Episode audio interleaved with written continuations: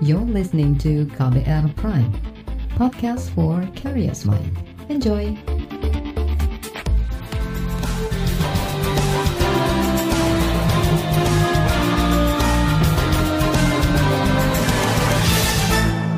Halo selamat sore saudara, senang sekali saya Reski Mesanto kembali hadir di KBR Sore hari ini Selasa 2 Maret 2021. Sore hari ini seperti biasa, selama 30 menit ke depan, kita akan membahas tentang insentif pajak penjualan atas barang mewah atau PPNBM 0% untuk mobil yang berlaku mulai kemarin. Kebijakan ini dikeluarkan untuk mendongkrak penjualan mobil yang lesu selama pandemi COVID-19. Selain itu, upaya ini diharapkan dapat meningkatkan perekonomian di tanah air yang terpuruk akibat pandemi virus corona. Lantas, apakah kebijakan ini efektif atau malah justru sebaliknya? Saudara, kebijakan insentif pajak penjualan atas barang mewah atau PPNBM sebesar 0% diatur lewat Peraturan Menteri Keuangan tentang PPNBM yang ditanggung pemerintah pada anggaran tahun ini. Insentif diberikan untuk mobil dengan tipe sedan dan 4x2 untuk pengangkutan kurang dari 10 orang dengan kapasitas isi silindernya kurang atau sampai 1500 cc. Ketentuan lainnya adalah muatan komponen lokal yang diproduksi di dalam negeri di atas 70 persen. Menteri Keuangan Sri Mulyani mendorong masyarakat berpendapatan menengah meningkatkan konsumsi dan memanfaatkan insentif ini, sebab masyarakat akan mendapatkan potongan hingga puluhan juta rupiah jika membeli mobil saat kebijakan ini diberlakukan. Berikut penjelasan Bendahara Negara. Besaran insentif PPN-BM ini hanya untuk tahun ini, yaitu 100% PPN-BM-nya itu tidak perlu dibayar atau yang terutang atas penyerahan kendaraan bermotor yang memenuhi ketentuan untuk masa pajak itu berlaku sampai dengan Mei saja. Jadi kalau mau membeli mobil ya sebaiknya sekarang sampai Mei karena PPNBM-nya 100% ditanggung pemerintah. Kalau Anda berencana membeli mobilnya antara Juni sampai Agustus, PPNBM-nya mendapatkan diskon 50% yang ditanggung pemerintah. Sedangkan kalau membelinya pada bulan September hingga Desember tahun ini, maka PPNBM-nya ditanggung pemerintah 25 persen. Uh, jadi dalam hal ini uh, kita memang sengaja mendesain agar front loading. Memang tujuannya untuk memacu confidence dan ini kemudian simultan bisa meningkatkan pemulihan ekonomi. Tapi ini adalah tools untuk kita memulihkan perekonomian kita terutama dari demand sas dari kelompok menengah dan menengah atas. Tidak terlalu atas banget karena yang atas mereka uh, memiliki daya beli. Itu tadi Menteri Keuangan Sri Mulyani Indrawati. Saudara, pemberian insentif ini membuat pemerintah kehilangan penerimaan negara dari sektor otomotif sekitar 2 triliun rupiah. Meski begitu, Kementerian Koordinator Bidang Perekonomian optimis dampak positif yang didapat dari kebijakan ini nantinya bakal lebih besar sebab insentif PPNBM bakal meningkatkan pembelian kendaraan bermotor. Begitu pula dari sisi produksi dan industri pendukung sektor otomotif ini yang diperkirakan akan meningkat. Kementerian Perindustrian menargetkan kebijakan insentif PPNBM 0% dapat meningkatkan penjualan mobil hingga puluhan ribu unit. Menteri Perindustrian Agus Gumiwang Kartasasmita menyatakan, insentif ini diberikan kepada industri otomotif yang terpuruk akibat pandemi. Setiap tahun, industri mobil biasanya menjual 1,1 juta unit mobil, namun tahun lalu hanya 550 ribu unit mobil yang terjual. Berikut penjelasan Menteri Perindustrian Agus Gumiwang, Karta Sasmita. Mentargetkan peningkatan penjualan sampai sekitar 81 ribu unit berdasarkan kebijakan ini. Kemudian juga seperti yang sudah disampaikan tadi, kebijakan ini berlaku untuk kendaraan bermotor di bawah 1500 cc yang memiliki local purchase sebesar 70 persen. Menteri Perindustrian Agus Kartasasmita menyebut ada 21 tipe kendaraan yang bisa mendapat insentif ini. Selain itu, Kementerian Perindustrian juga telah merilis daftar 115 komponen kendaraan yang termasuk dalam pembelian lokal sebagai syarat bagi pabrikan untuk mendapat insentif ini. Saudara, selain PPNBM 0%, pemerintah juga mengeluarkan kebijakan insentif pajak pertambahan nilai atau PPN bagi pembelian rumah. Pemerintah akan menanggung pajak PPN pembelian rumah sebesar 50% sampai dengan 100% untuk mendongkrak daya beli masyarakat. Menteri Koordinator Bidang Perekonomian Erlangga Hartarto menargetkan insentif PPNBM dan PPN Rumah bisa menjaga pertumbuhan ekonomi di level 4,5 sampai 5,5 persen. Seperti ini penjelasannya. Jadi tentu dengan kembalinya kedua sektor ini mencapai kapasitas ataupun penjualan yang cukup baik dan mendorong uh, daya beli masyarakat, secara langsung tentu kita berlihat bahwa ini bisa menambahkan pertumbuhan 0,9 sampai 1 persen dengan multiplier efeknya. Nah tentu ini uh, tidak bisa lepas dari confidence daripada masyarakat. Menko Perekonomian Erlangga Hartarto menilai proyeksi pertumbuhan ekonomi itu bisa dicapai dengan dukungan penanganan COVID-19 dan program vaksinasi. Saudara, selanjutnya kita akan menyimak laporan khas KBR bertajuk pemerintah mengobrol insentif pajak pembelian mobil dan rumah baru. Selengkapnya sesaat lagi, tetaplah di KBR Sore. You're listening to KBR Pride, podcast for curious mind. Enjoy!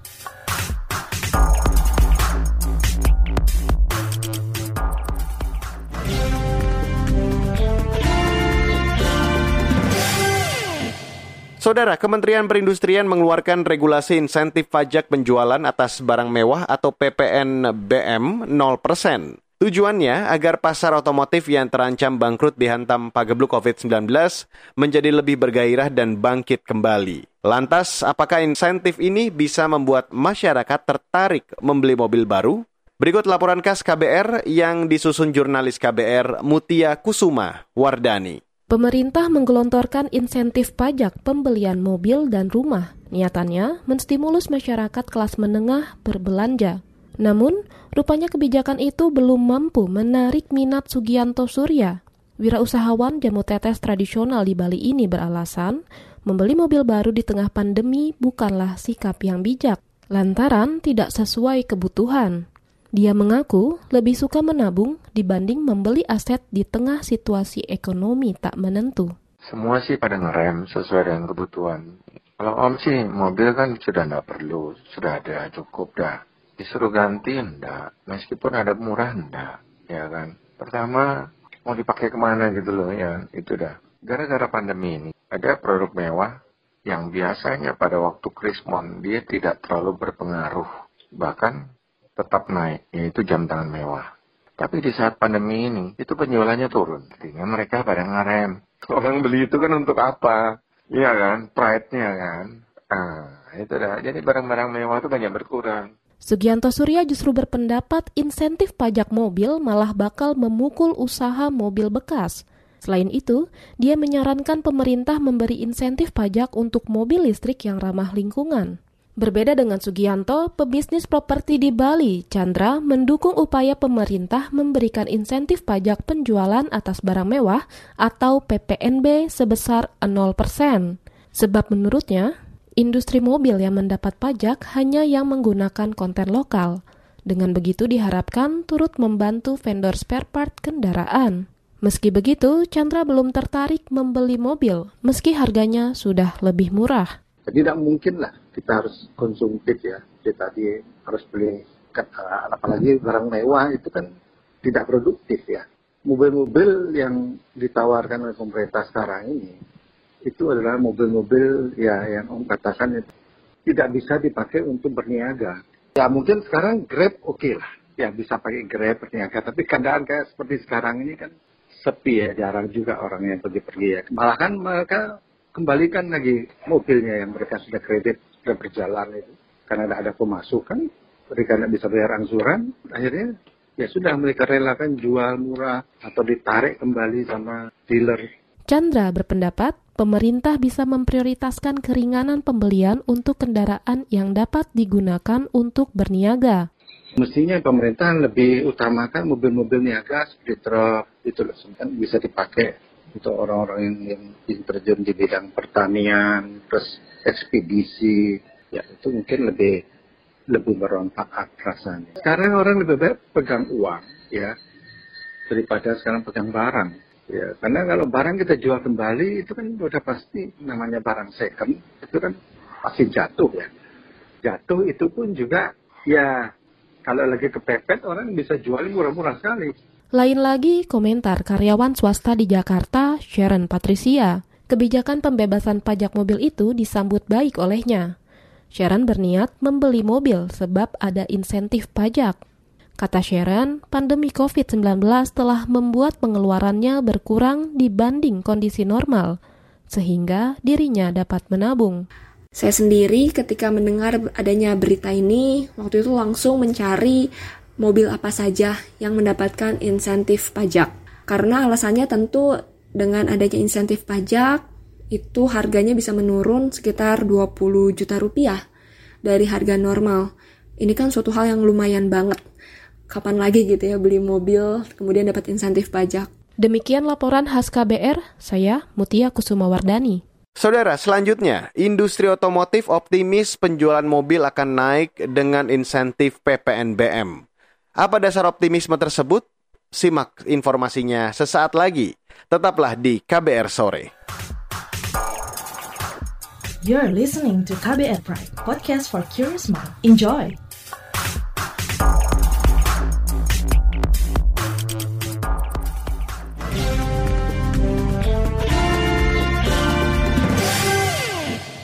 Terima kasih Anda masih bergabung bersama kami di KBR Sore hari ini 2 Maret 2021.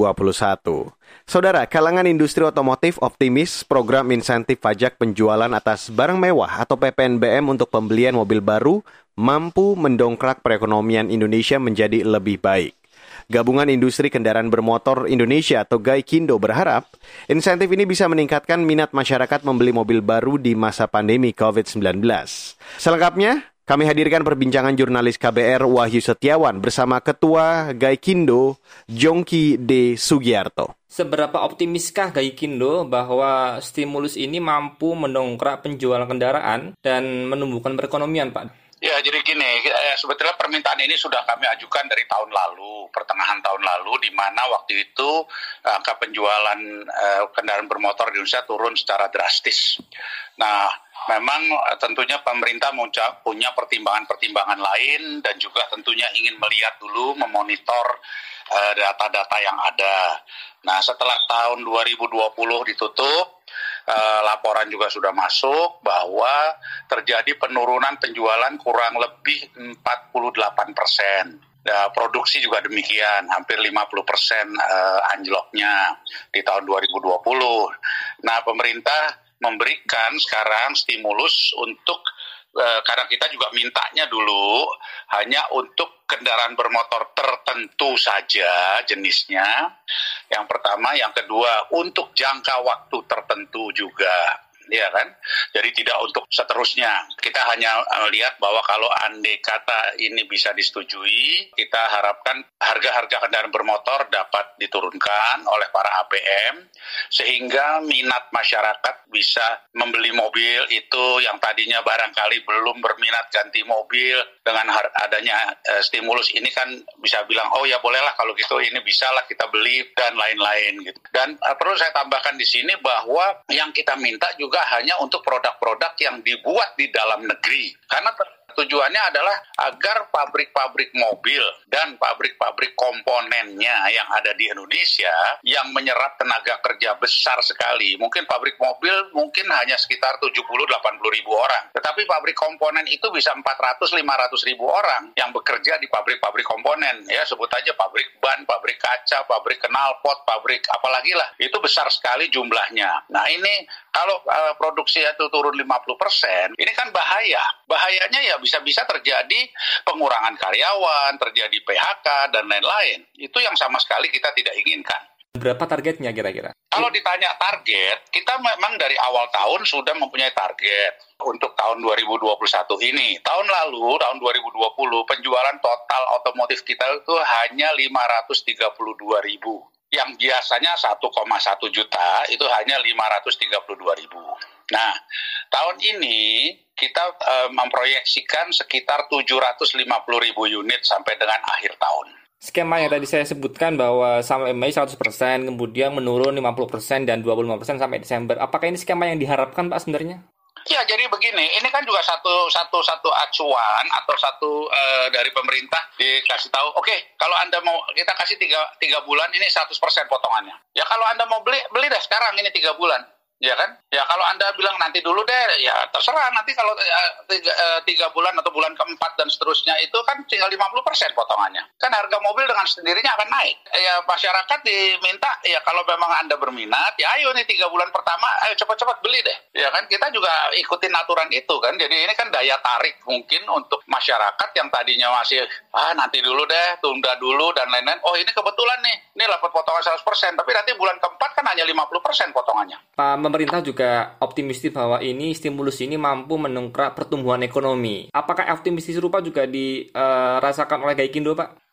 Ya pasti dong, kalau penjualan, katakanlah penjualan kendaraan bermotor jenis tertentu, kan diberikan dengan keputusan Menteri Perindustrian nomor 169 tahun 2021, itu kan diberikan 21 jenis merek dan kendaraan yang di, uh, diberikan stimulus ini, jenis kendaraan. Nah, ini 21 jenis mobil yang diberikan ini, ini merupakan tulang punggung dari penjualan otomotif di Indonesia.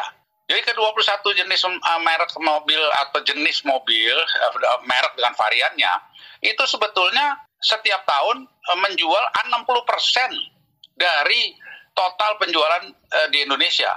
Jadi kalau tadi saya katakan 1,1 juta, kira-kira 600 ribu ini adalah mobil-mobil yang harganya 250 juta ke bawah. Nah inilah kalau ini nanti bisa dibeli oleh masyarakat, tentunya ekonomi akan bergulir.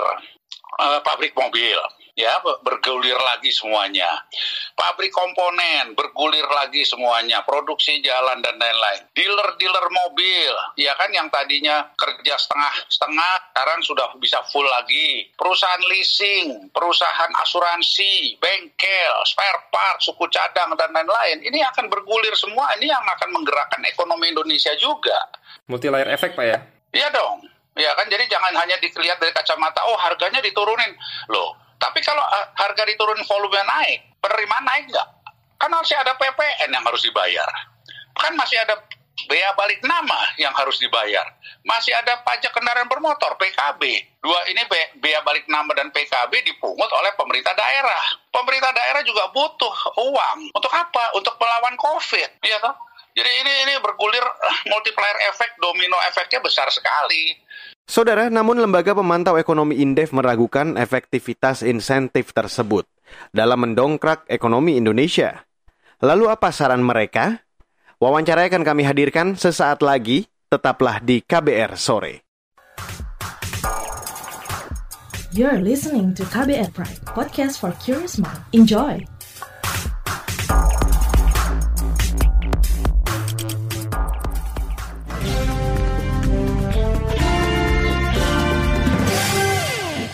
Selamat sore untuk Anda yang baru saja bergabung di KBR Sore 2 Maret 2021. Saya Reski Mesanto. Saudara, Lembaga Pemantau Ekonomi Indef menilai kebijakan insentif PPNBM 0% untuk mobil tak akan berdampak signifikan menaikkan pertumbuhan perekonomian Indonesia.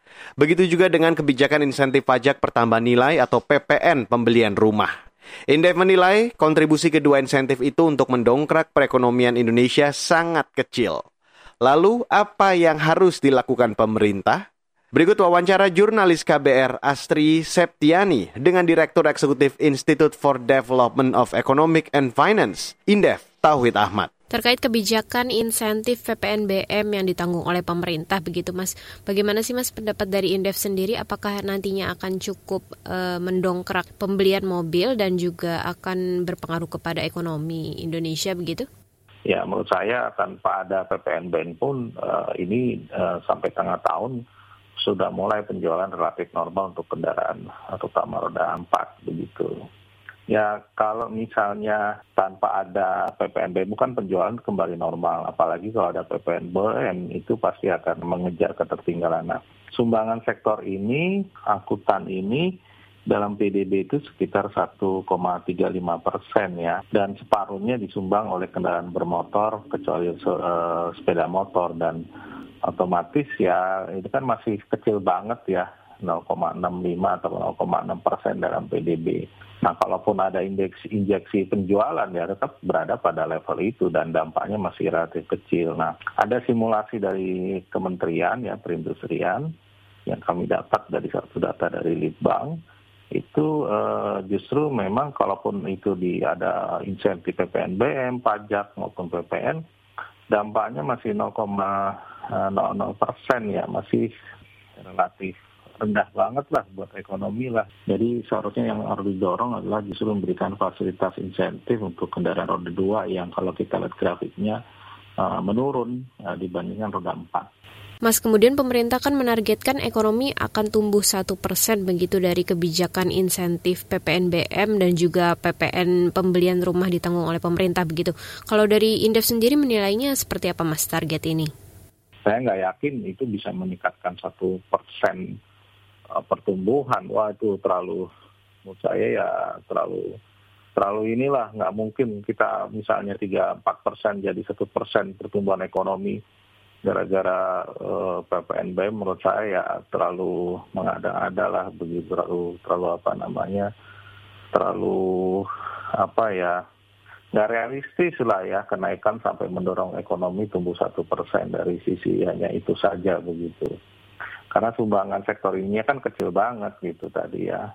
Sektor di kendaraan uh, bermotor aja untuk roda empat tuh nol yang tadi saya sebutkan apalagi kalau hanya uh, yang katakanlah yang sektor uh, sektor roda uh, empat yang di bawah 1.500 ya kecil lah gitu.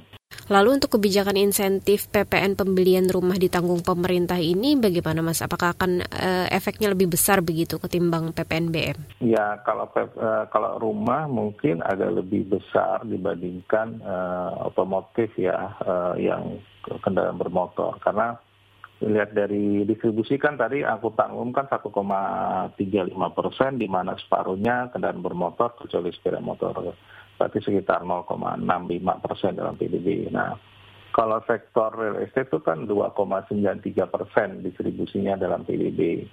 Otomatis kalau perumahan punya efek yang lebih tinggi dibandingkan ke sektor otomotif gitu. Tentu saja eh, dari segi posisi, jadi uh, orang akan melihat akan lebih banyak uh, melakukan prioritas kalaupun ada uang adalah kebutuhan terutama untuk keluarga kita adalah rumah begitu. Jadi uh, itu yang menurut saya jadinya penting untuk terutama untuk rumah ya. Nah karena itu eh, saya kira cukup pas untuk dilakukan sekarang begitu, walaupun mungkin seharusnya eh, tahun lalu sudah bisa dilakukan. Terakhir Mas, tadi kata Mas Tauhid kan dua kebijakan ini belum mampu mendokrak cukup besar begitu ya pertumbuhan ekonomi Indonesia. Lalu apa yang harus dilakukan oleh pemerintah untuk eh, kemudian menaikkan konsumsi hingga nantinya berdampak juga begitu kepada perekonomian Indonesia? Yang pertama tentu saja bantuan sosial itu ditambah nilainya pada pada kelompok masyarakat yang eh, bawah lah. Penduduk miskin kita 10 persen, itu udah pasti harus. Tapi nilainya juga harus signifikan. Sehingga itu menjadi barang konsumsi dan bukan simpanan. Karena kalau kita lihat semakin menyebar bantuan sosial sampai 40-50 persen, semakin tinggi tingkat pendapatan, semakin dia dikasih oleh bantuan pemerintah, dia akan lari bukan ke konsumsi tapi ke simpanan. Nah, beda berarti semakin rendah tingkat pendapatan dia akan lari ke konsumsi. Nah, karena itu uh, itu harus diprioritaskan paling bawah. Paling nggak 20 persen lah dari masyarakat bawah kita. Dan nilainya harus signifikan sehingga itu bisa mendorong. Saudara, itu tadi Direktur Eksekutif Indef, Tauhid Ahmad. Dan wawancara tadi mengakhiri KBR sore untuk hari ini 2 Maret 2021. Untuk Anda yang tertinggal siaran KBR sore hari ini, Anda kembali bisa mendengarkan di kbrprime.id.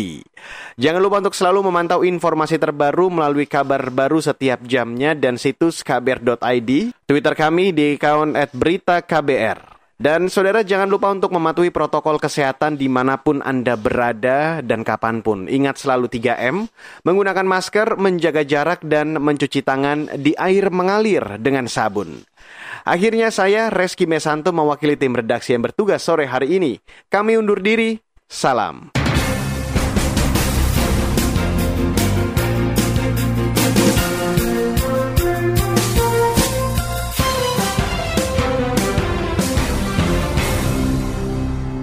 KBR Prime, cara asik mendengar berita. KBR Prime, podcast for curious mind.